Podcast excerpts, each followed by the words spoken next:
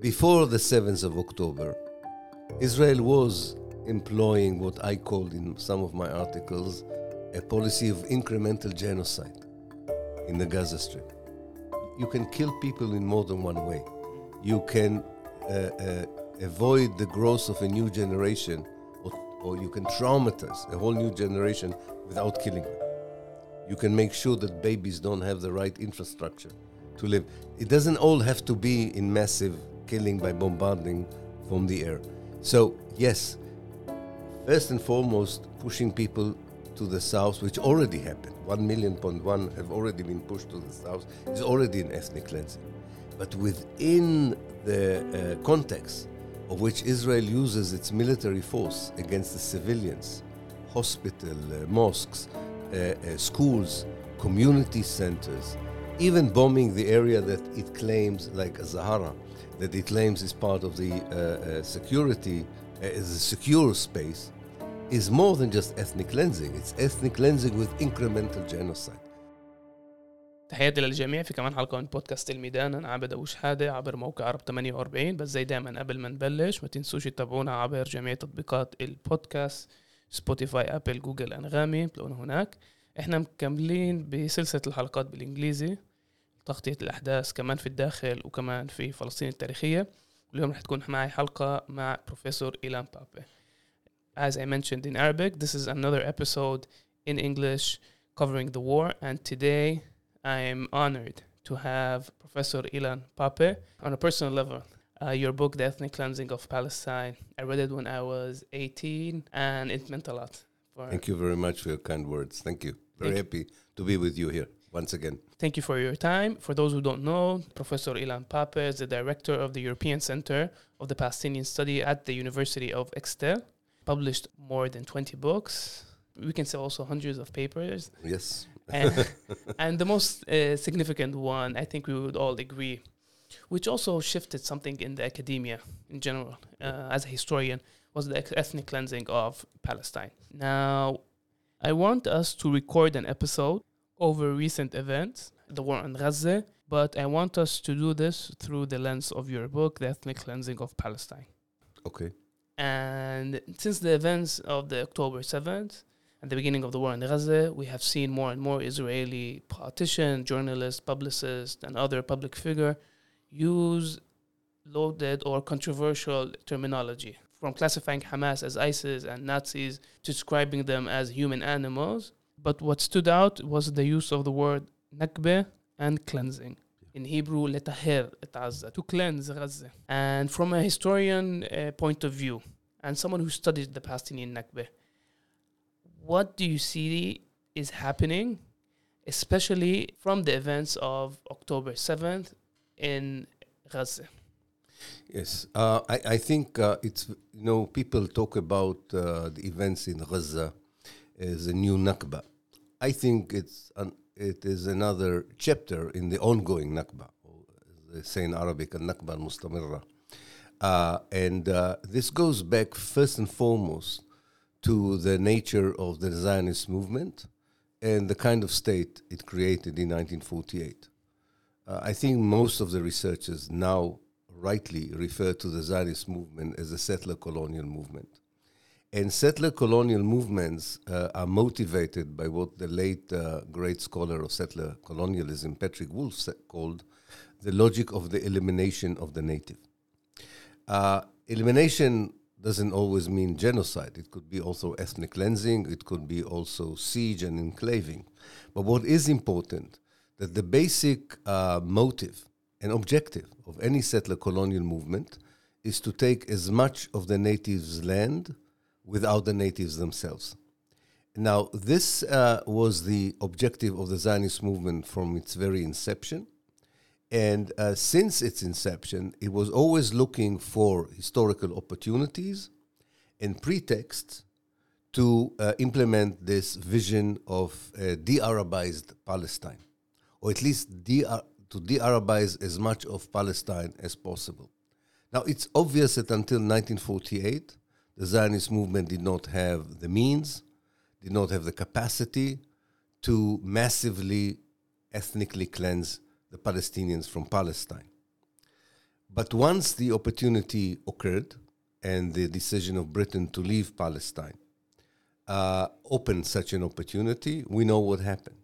And this was the ethnic cleansing of 1948, when half of the Palestinian population was expelled, half of their villages destroyed, most of the towns were demolished, but it was an incomplete ethnic cleansing. Now, it was also incomplete in the sense of a takeover of historical Palestine. Israel only took over 78% of historical Palestine.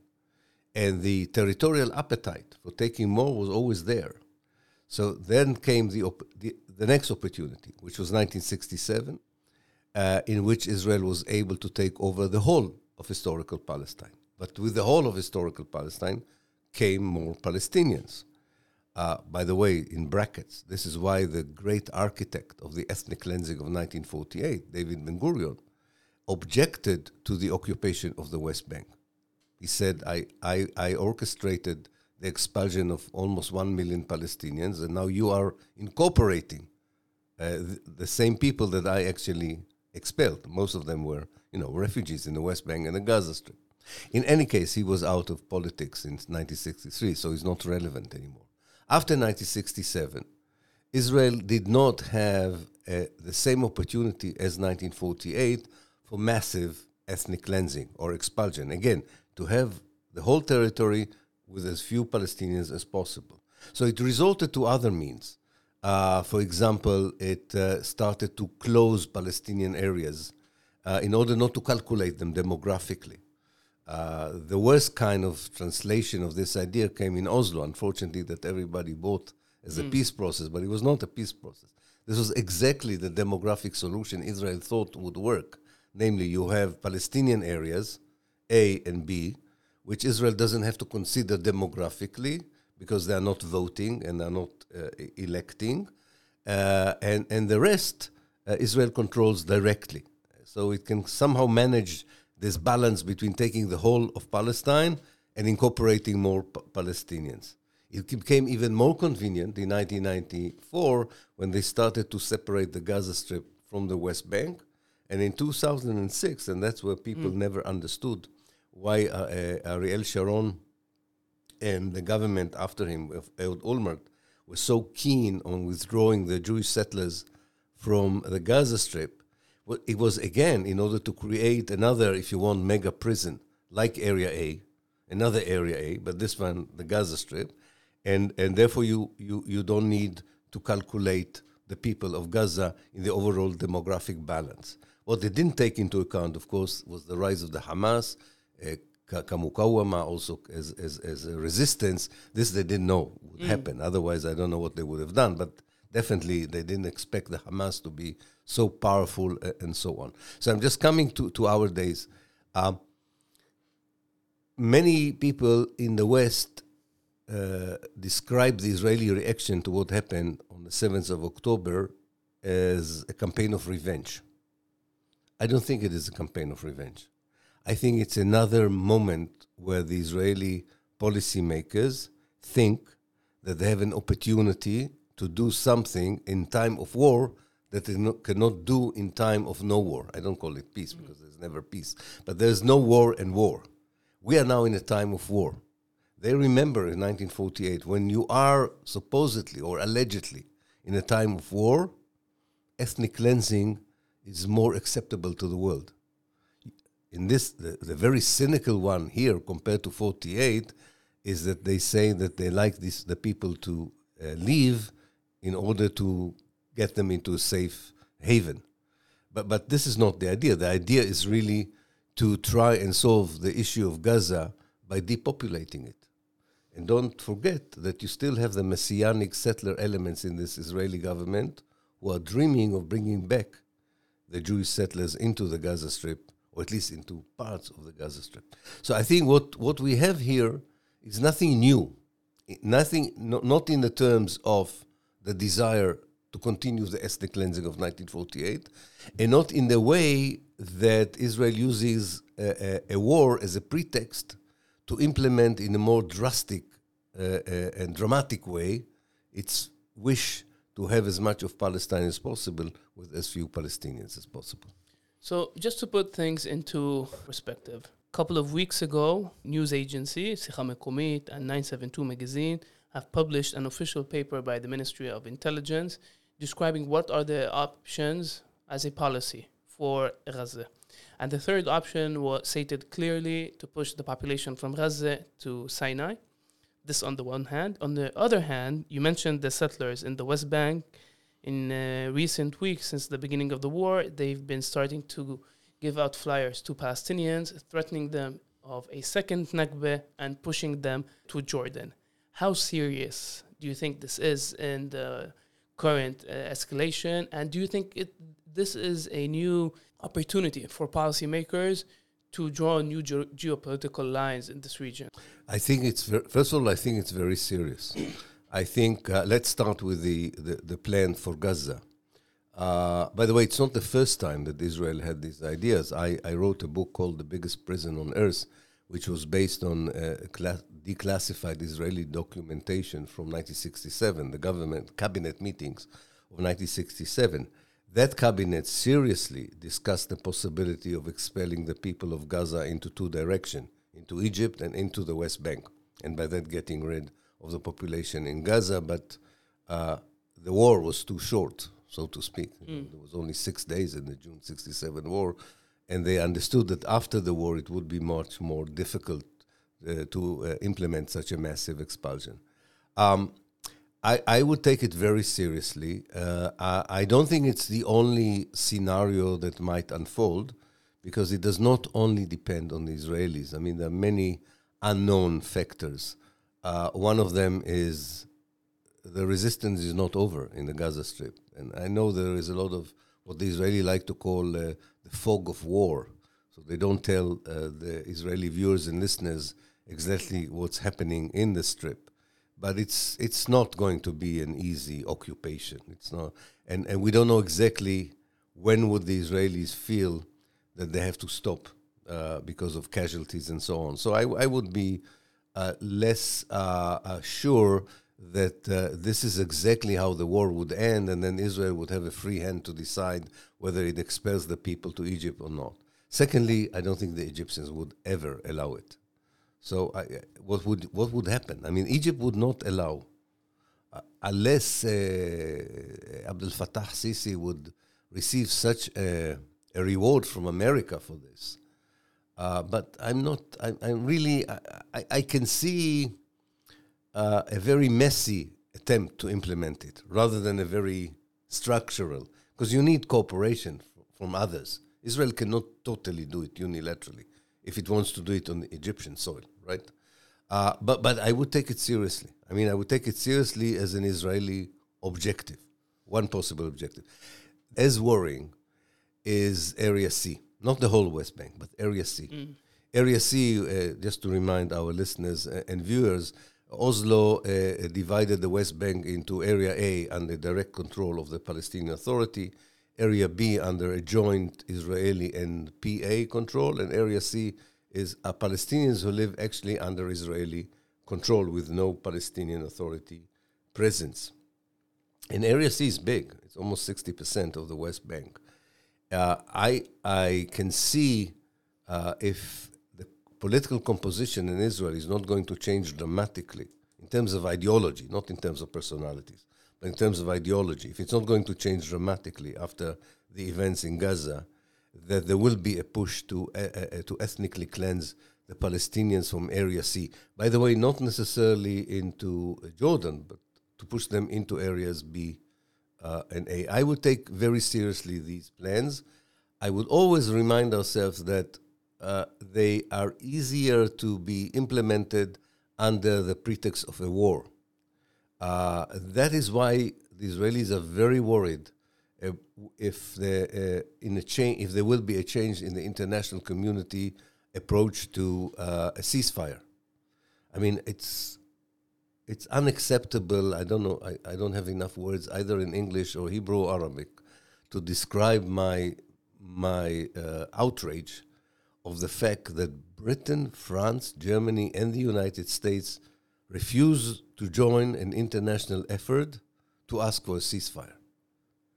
Uh, it's very clear that the Israelis want uh, don't want the ceasefire, not only in order to uh, uh, defeat the Hamas, but in order to be able to create new facts on the ground.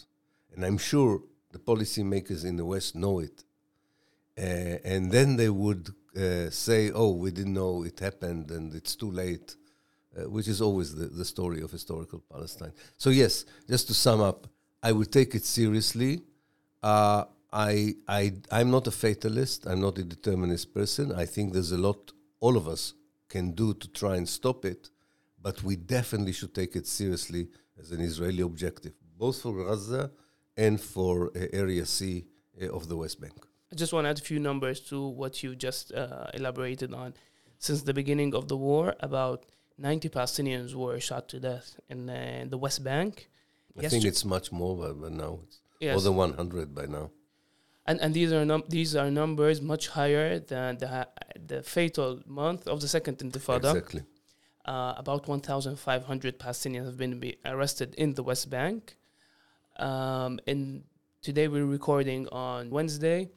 On Monday and Tuesday, uh, Israel has dropped about six ton of explosives on J- Jabalia refugee camp north of uh, Gaza. Exactly.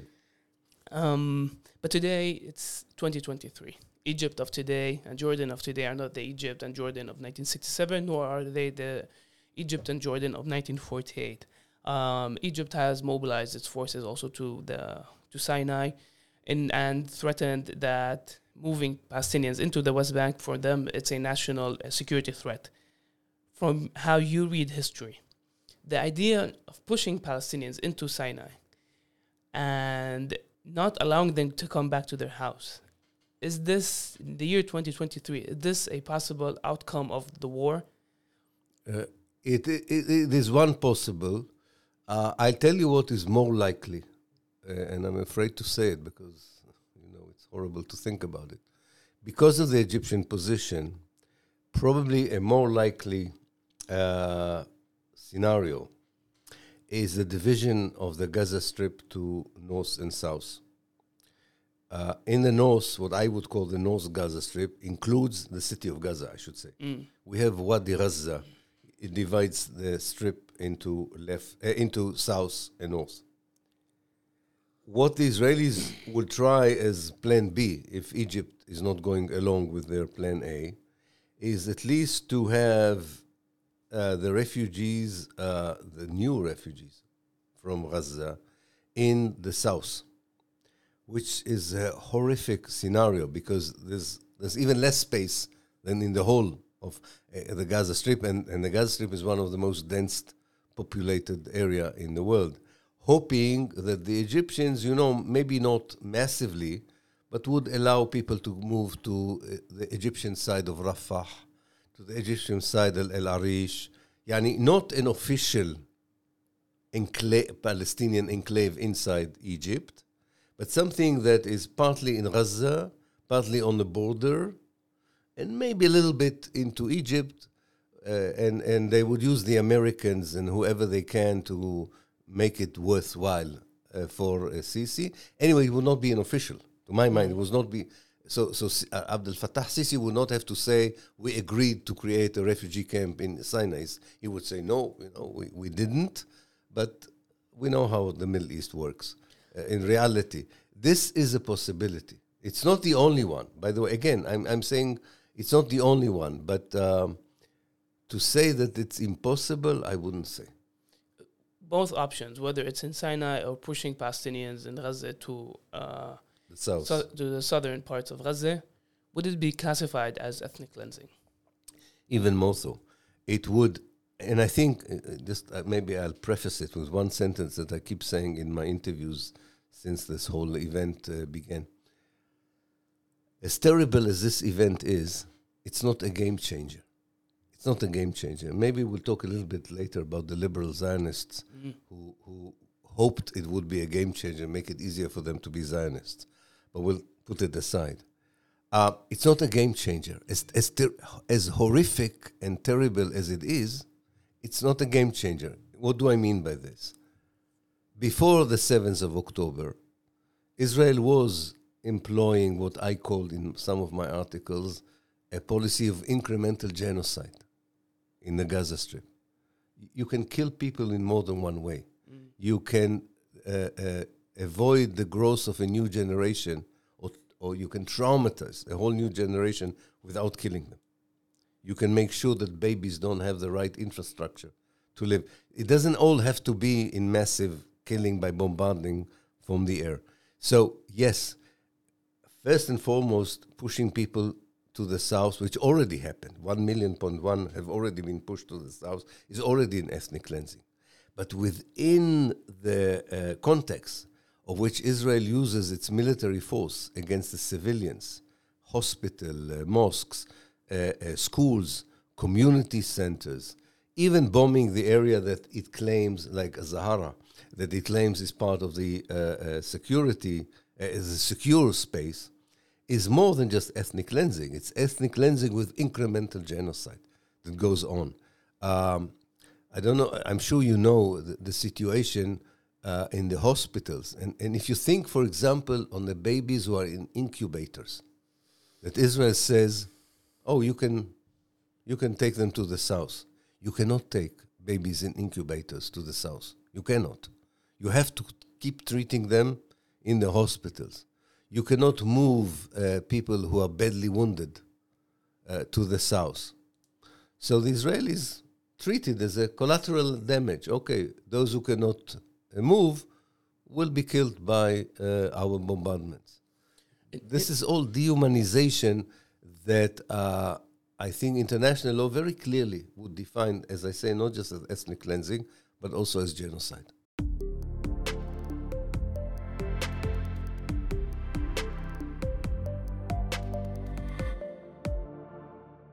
In uh, your book, The Ethnic Cleansing of Palestine, you, when you go through the what we know today as Plan uh, D, Tuhnit Dalid, and the ethnic cleansing of uh, 500 Palestinian villages, you mentioned something very important that even though there weren't clear commands telling the troops what to do, the Israeli uh, militias at that time, um, they knew what they had to do. Now, when we listen to journalists and news agency and so on, clearly there's a sense of revenge on a personal level. How much of it do you think comes their their action in Gaza comes from a direct order from the military leaders or the politicians, and how much is it come from comes from individual sense of revenge against Palestinians because of what happened on October 7? Yeah. First of all, I would say that the biggest crimes against humanity in history were never perpetrated by a, a master document. I mean, the, you will never find the order for genocide in all, and we had, unfortunately, as human beings, we witness in modern times quite a few genocides. You never find a document. What you find is an atmosphere, an environment, and uh, tactical orders that only if, as an historian, you look at them from above and you connect the dots, you see that the, the tactics actually translate into a strategy that is fed by an ideology. And I think that's what we have here now. Uh, the soldiers are getting very clear uh, uh, orders or commands uh, to disregard the civilian population in the very section that they are operating. Now, they don't know exactly what's happening elsewhere. So they, they are not, they don't know or don't care, and they wouldn't even know if they cared that they are part of a, a larger project of ethnic cleansing and, and genocide. But the people who sit in what the Israelis call the, the pit, the Bor, you know, this is the high command in, in a, a cellar in, in Tel Aviv, in the center of Tel Aviv, um, a war cabinet. A war cabinet, exactly. They know exactly what they are doing, and uh, and, they know exactly uh, uh, how to uh, try and or they're trying to cover up, uh, not because of their own moral inhibitions, because they're afraid that there will be an international reaction. A very horrific uh, example for what I'm saying here that there is a plan, but the plan will never be written in document is the way the Israelis are preparing world public opinion to the bombing of hospitals.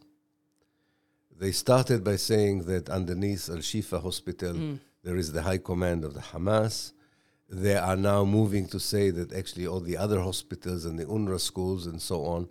This is very worrying because they are saying it as justification not to what they have done, but what they are going to do. And this is again our our wish to call the world uh, as terrible as the crimes that, that have been committed were until now.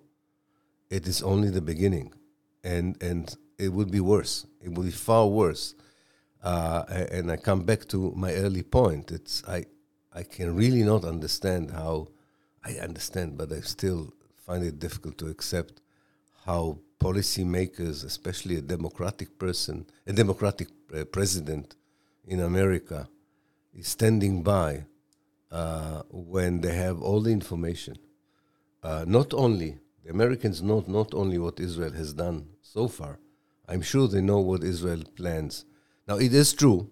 It is true they're trying to limit some of the Israeli actions. That's what we learned from Washington Post, New York Times. I think they are reliable journalists. I, I believe them when they say that America has looked at the Israeli. This is really worrying, by the way, because I said the Americans have looked at the Israeli plans for the next stages, and they asked them to change them, to revise them, to make them more limited. I don't think the Israelis are going to listen to them.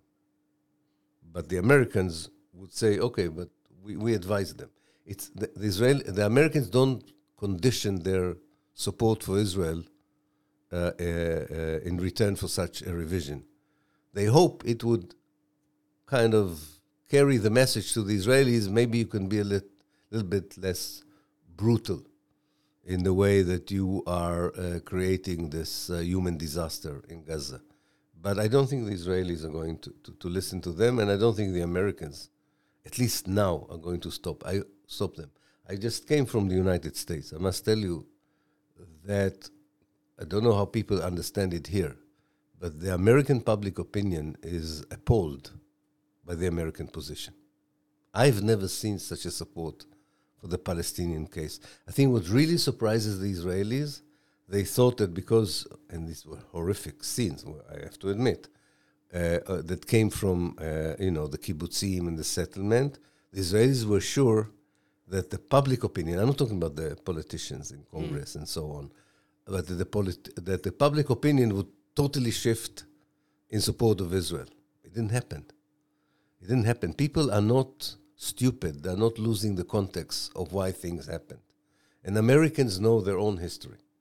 They know that people like African slaves, like Native Americans, sometimes when they reacted, they reacted in a very cruel way, but it never invalidated the moral right of the African slaves to rebel or the Native Americans to try and uh, uh, resist the genocide of their people. As a historian, um, I want to hear your thoughts on the terminology that is being used by the Israelis, uh, describing Hamas as ISIS or ISIL or Nazis. How do you see it? How do you understand it? And is it really effective, or is it only effective for Israelis themselves? First of all, I want to say there's nothing new about the Nazification of the Palestinians. I'll come back to ISIS in a moment. Uh, if you remember, uh, Menachem Begin described Yasser Arafat in the bunker in Beirut as Hitler in the bunker.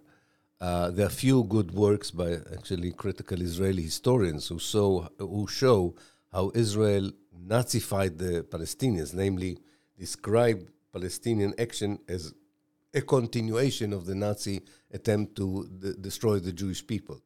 Uh, the reason that it was done in the past and it's done now, when you Nazify someone, is to justify anything you're going to do to them. It gives you license uh, to uh, uh, do the kind of thing that Israel is doing. Um, the the comparison to ISIS is directed not so much to the Israeli uh, uh, public; it's directed more to Europe, uh, in order to um, again decontextualize the Palestinian action. Instead of having an analysis, it, They're, worried if there will be an analysis like the one that was suggested by the Secretary General of the United Nations. They would say, yes, we condemn what the Hamas did in the kibbutzim and the settlement or in the development towns, but we would, don't forget, as he said, we don't forget the context of 56 years of occupation, right? They don't want this kind of analysis. They don't want this kind of narrative to dominate the conversation in the West. So uh, ISIS, in the eyes of the West, has no context. It is just uh, a fanatic, uh, uh cruel, uh, inhuman ideology uh, that blindly killed everyone, including Muslims. if this is such a, a false comparison, such a decontextualized, dehistoricized um, uh, comparison, but it's meant, again, I, as I say, I think the Nazification is meant more for the domestic Israeli uh, uh, public, and the ISIS is meant for the outside. Uh, it, towards the outside, it will not work. It, it, may work a little bit, but in the long term, it will not work. People I, are not stupid. People are not stupid, especially in 2023. There are so many sources of information, so many ways of gathering information and knowledge that I don't think it will work. Uh, the Israeli public is not critical public. Not, I'm talking about the Israeli Jewish public. It's not critical. They they accept everything that the media tells them. Uh, they lost their, you know, it's very sad to me as a Jew to say it, that they lost the critical faculties that Jews were very famous for.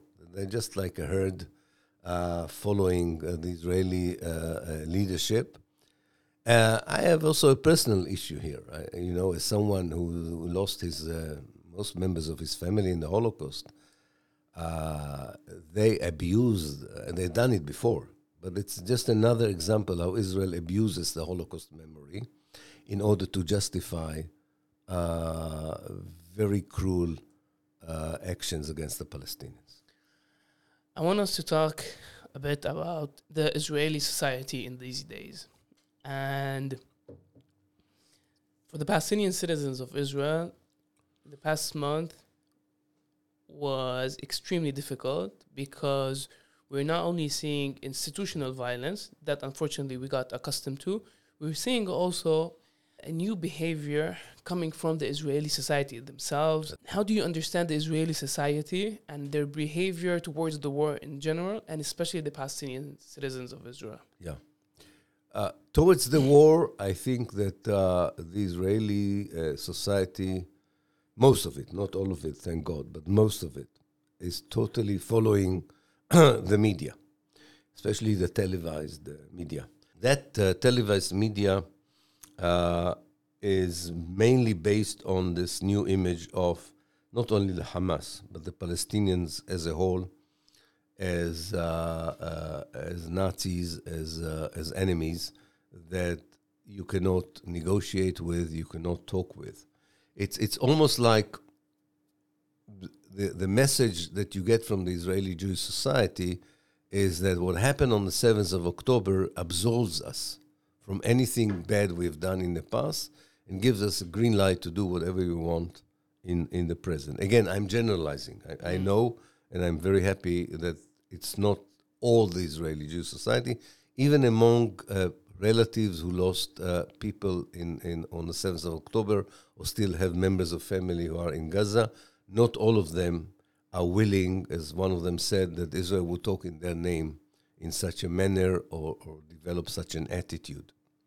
Now, the the worrying one side aspect is the one you mentioned. Is the um, again, it's a pretext, a pretext to treat the 48 Arabs, the Palestinian citizens of Israel, in a way they always wanted to, but were inhibited by their wish to still be regarded as the only democracy in the Middle East, by the connection between human rights organizations in Israel, such as Adalah to human rights uh, organizations or ministries of foreign affairs uh, in the West. Uh, they believe, uh, uh, for example, I can give one example. They were really, I mean, the, both the um, important members of the Israeli Jewish society and important members of the Israeli media were very happy to hear that the Swiss government decided to suspend uh, uh, uh, funding to NGOs like Adalah, and not only Adalah, I'm just mentioning Adalah because it's important. Um, and, and, and that, I am not sure that the Swiss understand what they did. The message was there is now a, a, a Palestinian society with no protection. They have no legal protection. They have no police protection. Uh, and they, they, uh, we, we can add our own input to changing also Israel uh, from from within. Um, this is a very worrying time for the uh, uh, Palestinian citizens in Israel. Uh, it's not that the Jewish racism towards them was not there before. As I say, this is not a game changer in that respect. Mm. It's just uh, um, as long as the war continues, uh, I'm I'm afraid to say that I expect more of what you describe to happen. Again, the war will not be forever. And when the war will end, I think some of these horrific attitudes from below by the society or the policies from above will be reverted. I think so. I, I don't think it will. It's. I don't think it's a long-term phenomenon, but it just shows you that what I claimed and many other historians claimed every war that Israel is staging, and most of the Israeli wars, in fact, all of them, were wars that Israel started, contrary to the Israeli propaganda that they always had no choice wars. They, all, they started all the wars from 48 to 60, 56, 67. Maybe 73 is the only one that they really did not uh, start. But they started 82 for sure, and now this, this war. Uh, all these wars are uh, means and pretext to fulfill what we started our conversation with this un, un insoluble issue for a, a, movement which ironically doesn't only want to make Palestine Jewish, it wants to make Palestine a democratic Jewish state. But it's not Jewish and it's not democratic because of the Palestinian presence in it and they have no uh, plan B for that.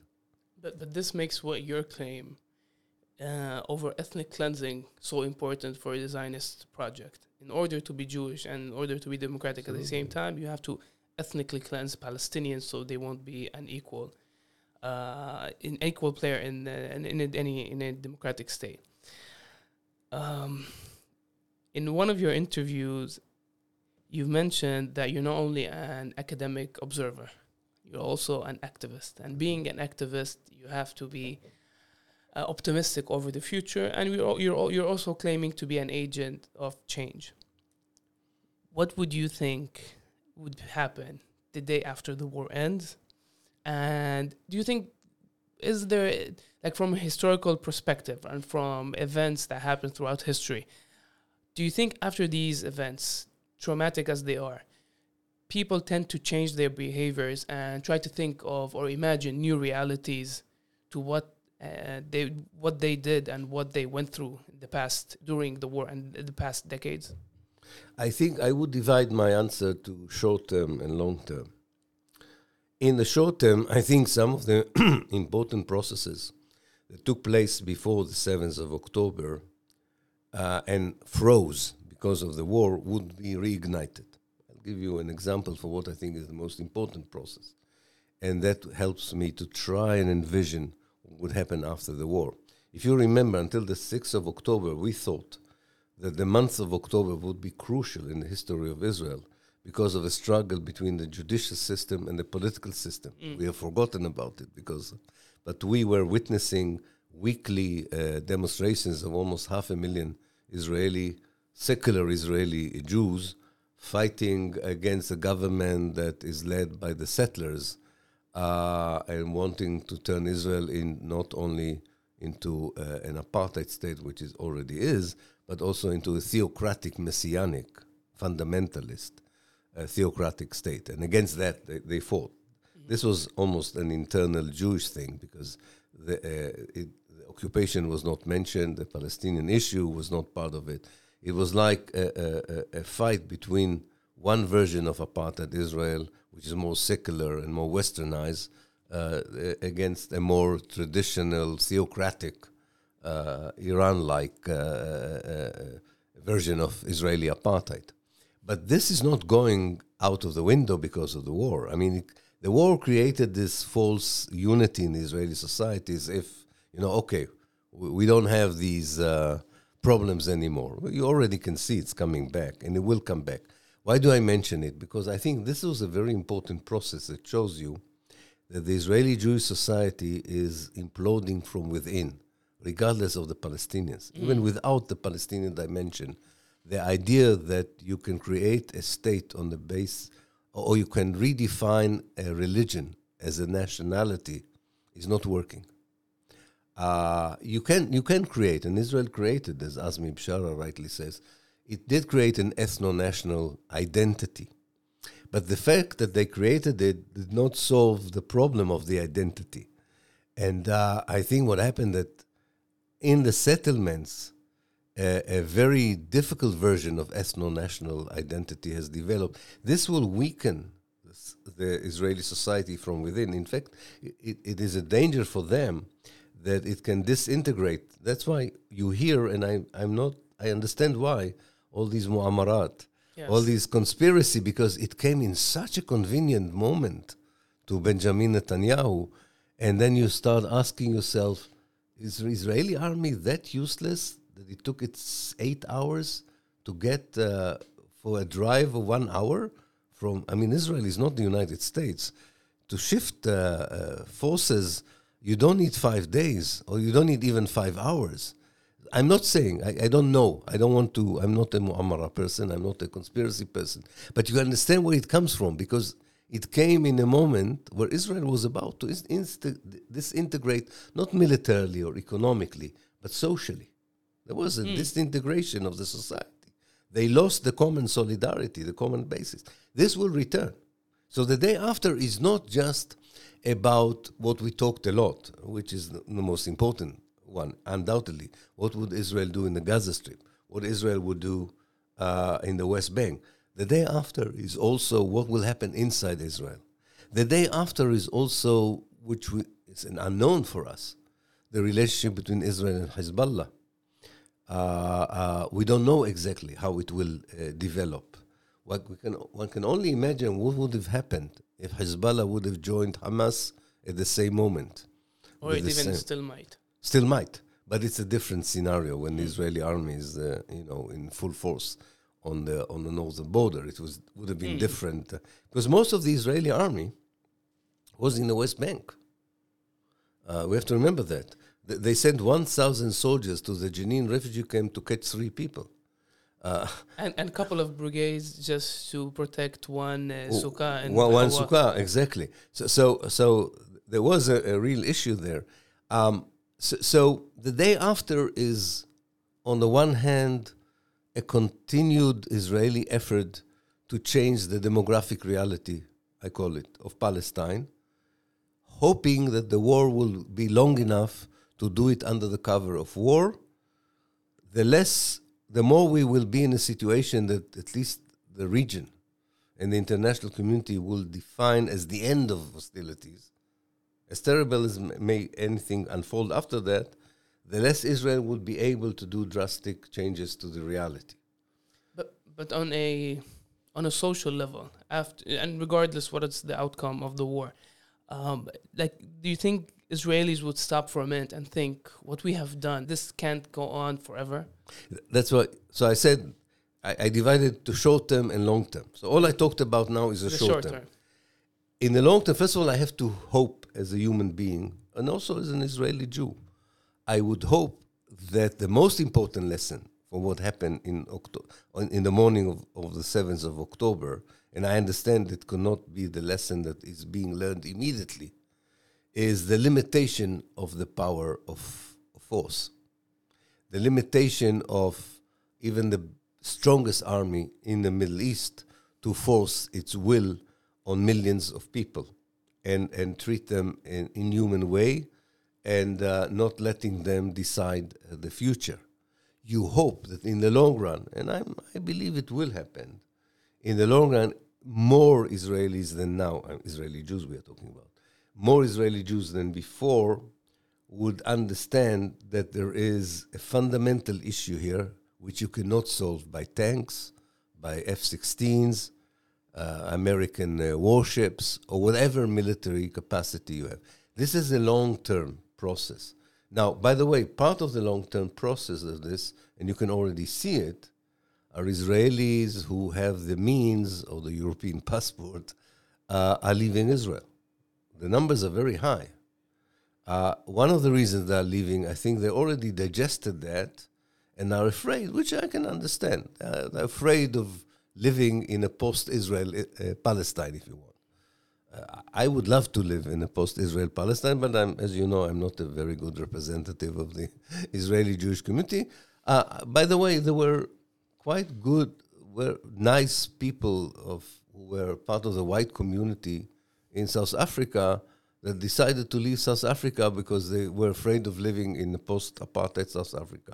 That's okay. That doesn't deter us from uh, dreaming and working for a decolonized uh, Palestine and a free Palestine. That's for sure.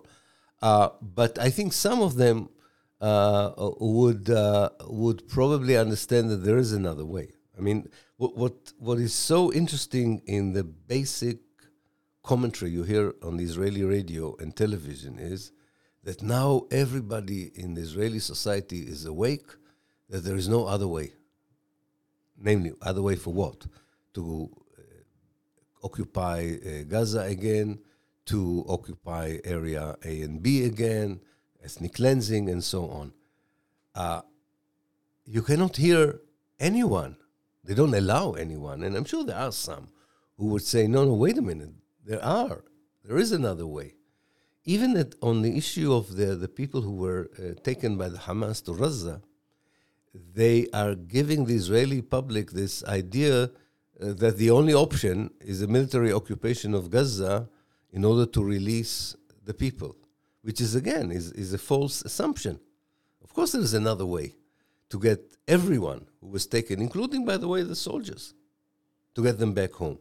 Of course, there is another way. There's always another way, but they don't want it. So, so I hope that in the long term, this cynical, sinister way Israel treated the kibbutzim in the south that were attacked, the, the people who were taken uh, to Gaza, uh, the Palestinians inside Israel. Maybe some people would have some compassion towards what Israel, or if not Israel, the army, at least Israel, the settlers, is doing to the Palestinians in the West Bank.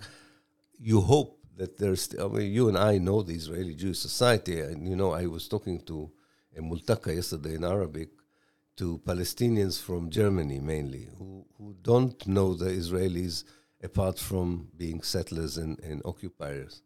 And they asked me about the, the 48 Arabs. And I said, I think the 48 Arabs have a more uh, complicated view of the Israelis because they lived with them for 75 years. And in, sometimes, and it happens, that on individual basis, you don't only meet the ugly face of the Jewish society. Uh, you, you can work with people, you can be in the same university. Uh, so, so I said it's a more complicated relationship from the one Palestinians in Gaza or Palestinians in the West Bank, or definitely Palestinian refugees have with Israel. But in order to make that experience to something positive that will enable joint life together, the Israeli Jews have to see it as an asset. Mm. But what we see now is the right wing in Israel trying to uh, uh, uh, identify the, the Arab Samani 40, the 48 Arabs, with, with Hamas and their image of Hamas. Uh, uh, uh, and this is comes back to a very old problem that the West is not willing to talk about.